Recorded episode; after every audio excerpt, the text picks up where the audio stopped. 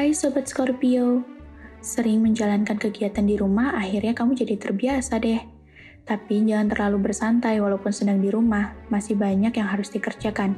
Get up and get everything done. Percintaan untuk Sobat Scorpio Lovebird. Hindari obrolan yang mengarah ke masa depan atau kelanjutan hubungan jika kalian belum benar-benar mengenal pasangan kalian. Ya, hati orang kan gak ada yang tahu. Siapa tahu dia malah tersinggung kan? Sabar aja. Jika dia jodohmu, pasti segalanya akan dimudahkan kok.